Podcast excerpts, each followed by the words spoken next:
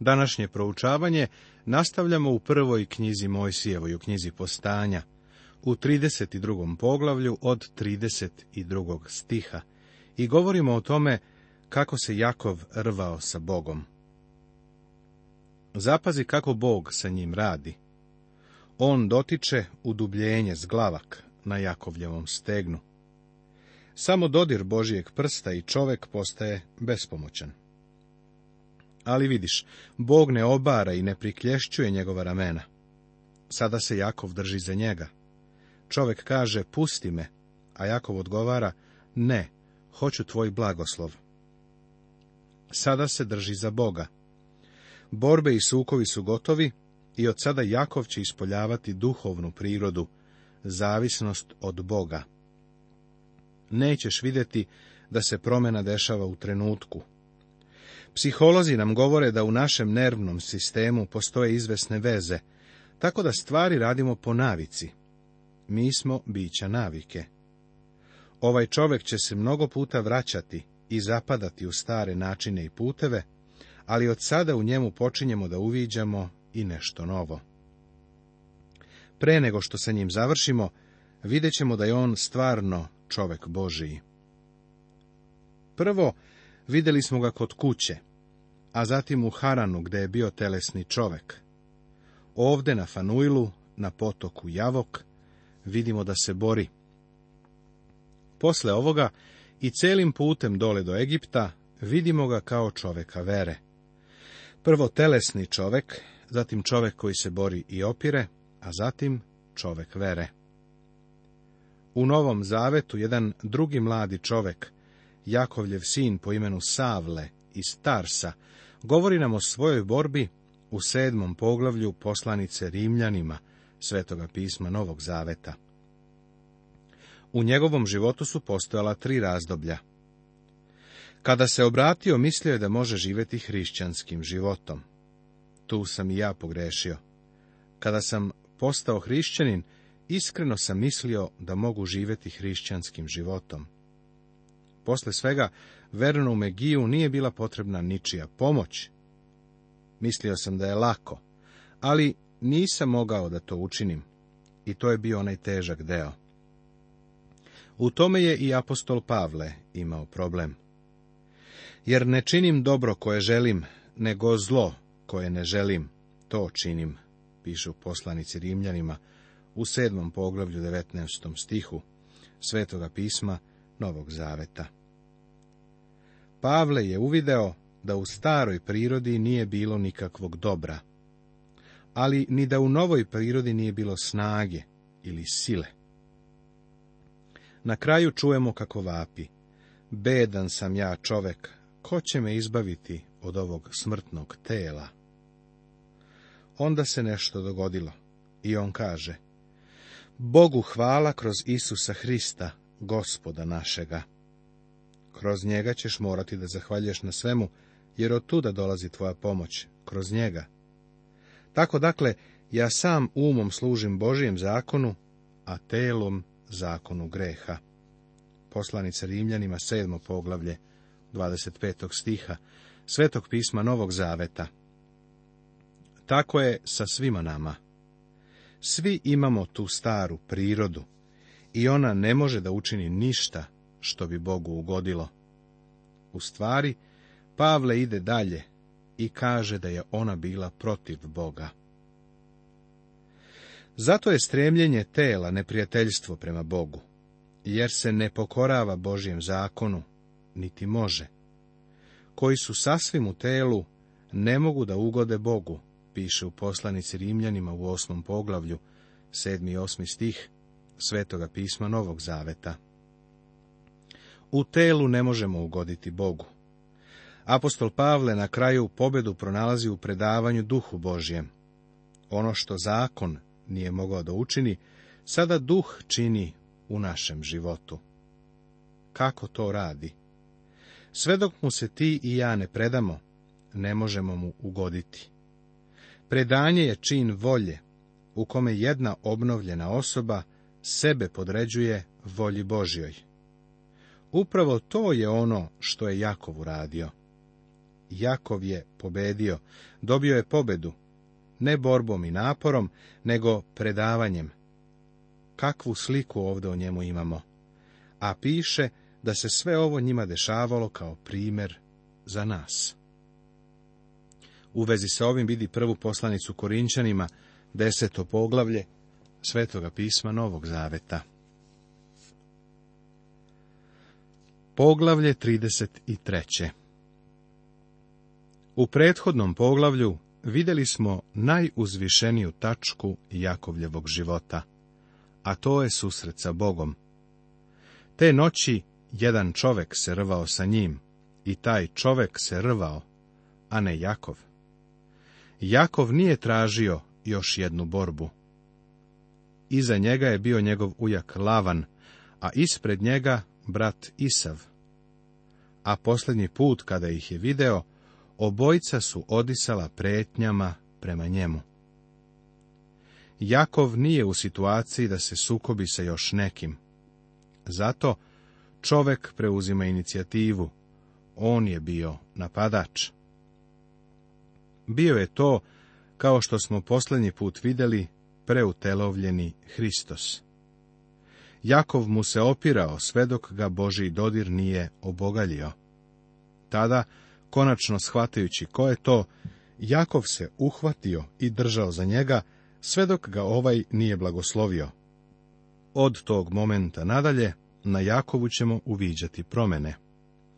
Dok budemo pratili njegov život u poglavlju koje je pred nama, mislit ćemo da smo upoznali novog čoveka istini za volju, on i jeste novi čovjek.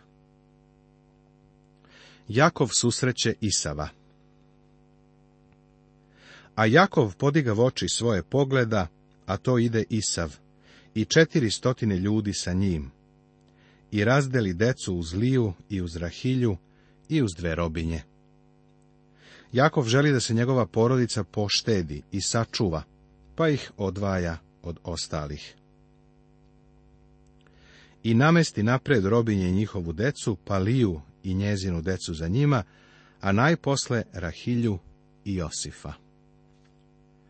A sam prođe napred i pokloni se do zemlje sedam puta, dokle dođe do brata svojega. Volao bih da mogu da vidim prizor Jakovljevog susreta sa njegovim bratom Isavom. Pretpostavljam da još dok je bio milju daleko od njega, već tada je počeo da se poklanja. Dolazi s poštovanjem i ponizno, jer Isav vodi četiri ljudi, a Jakov ne zna da li dolazi kao prijatelj ili kao neprijatelj. A Isav pritrča predanj i zagrli ga i pade mu oko vrata i celiva ga i obojica se zaplakaše. Pa oni su blizanci, braća, Šta je bilo, bilo je. Izgleda kao da je Bog stvarno dotakao Isavovo srce, jer se Isav bio zakleo na osvetu i rekao da će ubiti Jakova. I Isav podega oči, ugleda žene i decu, pa reče, ko su ti ono? A Jakov reče, deca, koju Bog milostivo darova sluzi tvojemu. I pristupiše robinje s decom svojom i pokloniše se. Potom pristupi Lija i deca njezine i pokloniše se, a najposle pristupi Josif i Rahilja i pokloniše se. Jakov svome bratu predstavlja svoju porodicu.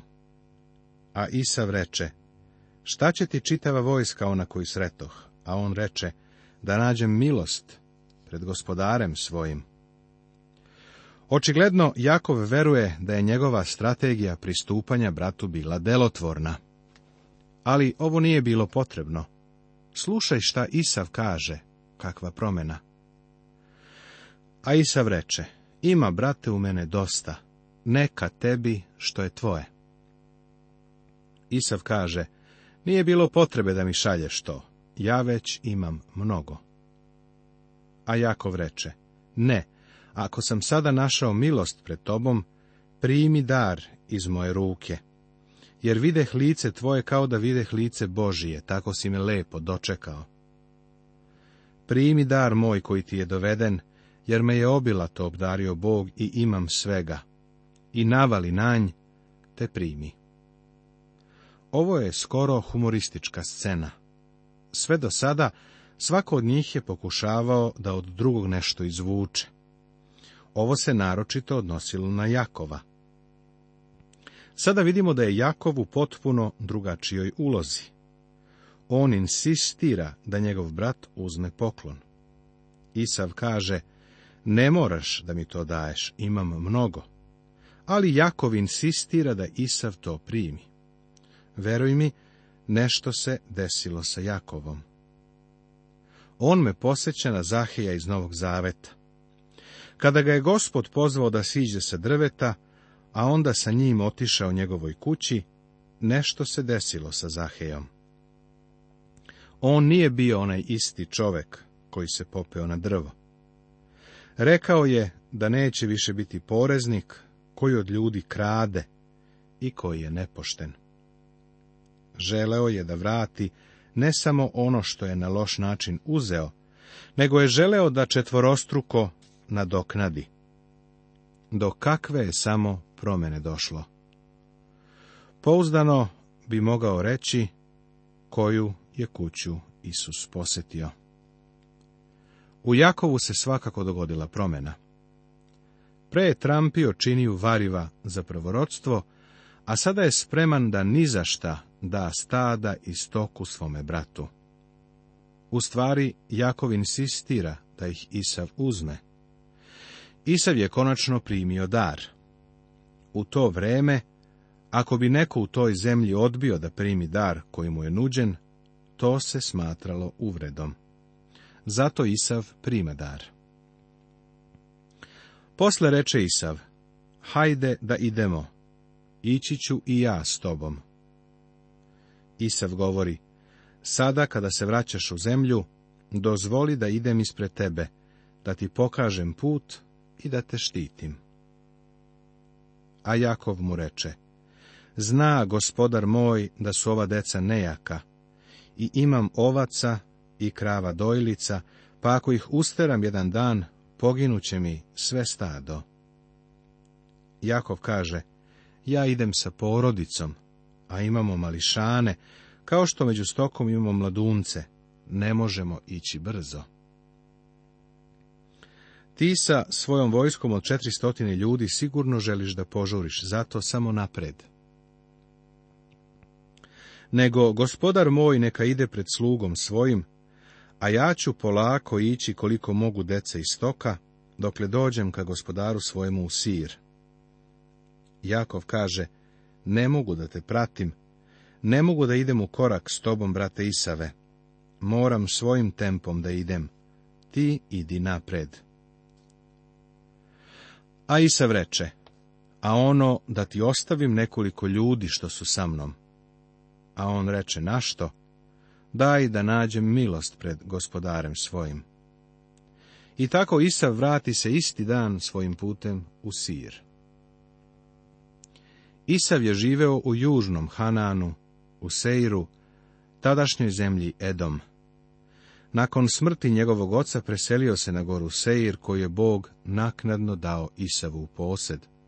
A ovo će tek biti objašnjeno u petoj knjizi Mojsijevu i u knjizi ponovljenih zakona, u drugom poglavlju, peti stih.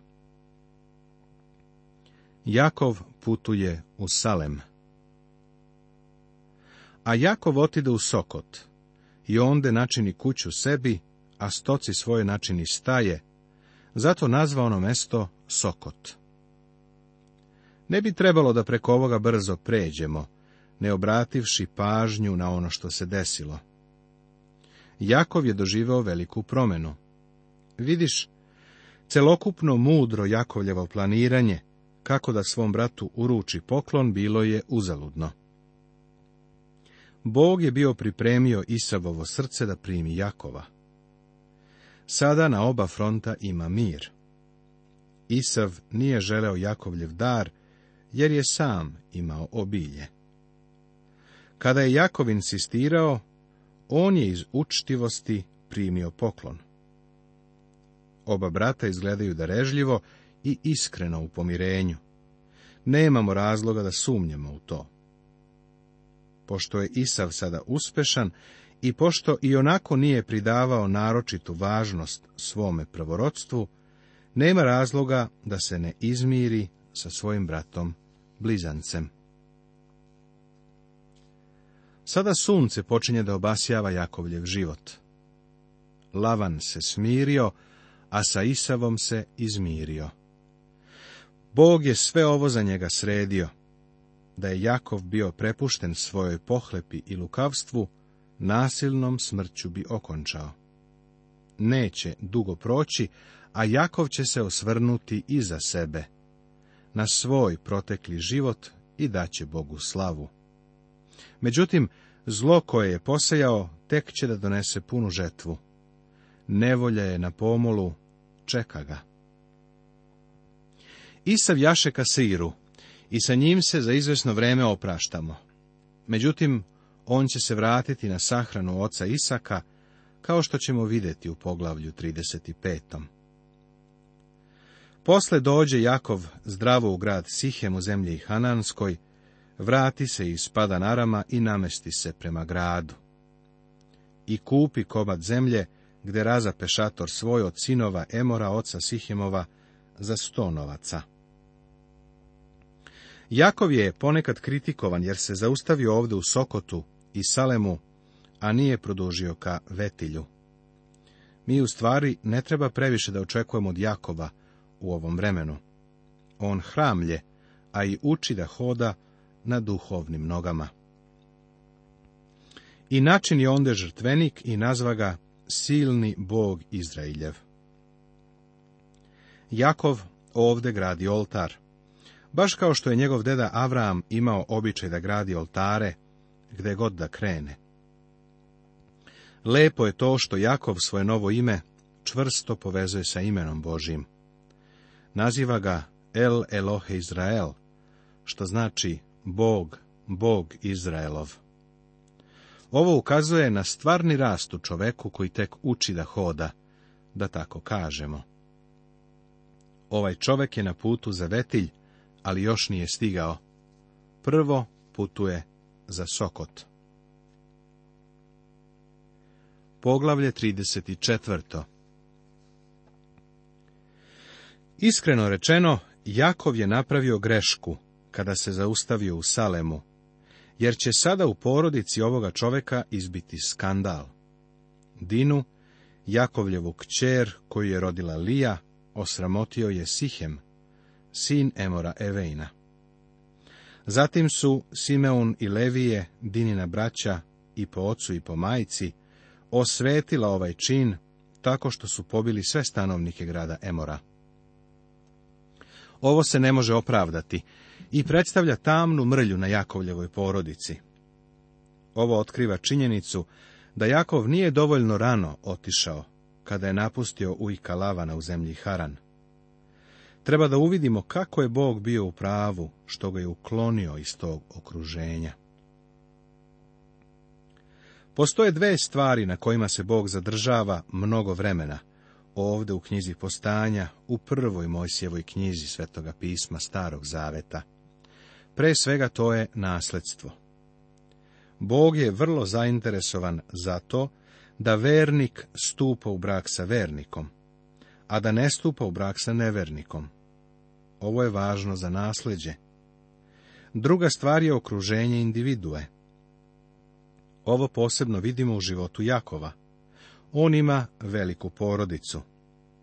Tamo je bilo ne samo njegovih dvanaest sinova, nego su tu bili i kćeri. Mi imamo zabeleženu samo ovu jednu kćer, jer je u ovom poglavlju ona posebno istaknuta. Postoji još nešto što bi bilo dobro da zapazimo radi razumevanja postanja, a to je da u porodicama postoje nevolje. Da li si to primetio? U Avramovoj porodici je bilo sukoba i nevolje. Sukobi nevolja su bili prisutni i u Isakovoj porodici. Isav je bio Isakov miljenik, a Jakov Rebekin, i to je u porodici izazvalo velike nevolje. Sada ćemo vidjeti da je i u Jakovljevoj porodici bilo ozbiljne nevolje. Jakov se zaustavlja i jedno vrijeme ostaje u Salemu. I to će mu stvoriti veliku tugu. Iskreno govoreći, 34. poglavlje je tužno, tegobno poglavlje, i sve ovo je verovatno vremešnom Jakovu slomilo srce. Jakov ili Izrael, kako bismo trebali da ga zovemo, je sagradio oltar, a sada svedoči o živom i istinitom Bogu. U njegovom životu je prisutna promjena, ali je njen rast i razvoj vrlo spor. Za nas danas ovo nosi pouku. Ne očekuj da kao hrišćanin preko noći dosegneš pun rast. Bog nas prisvaja kao odrasle sinove u porodicu u kojoj ćemo moći da razumemo božanske istine, jer je Duh Sveti naš učitelj. Ali naš duhovni rast i napredak su spori, tu i tamo padamo. Nastavit će se.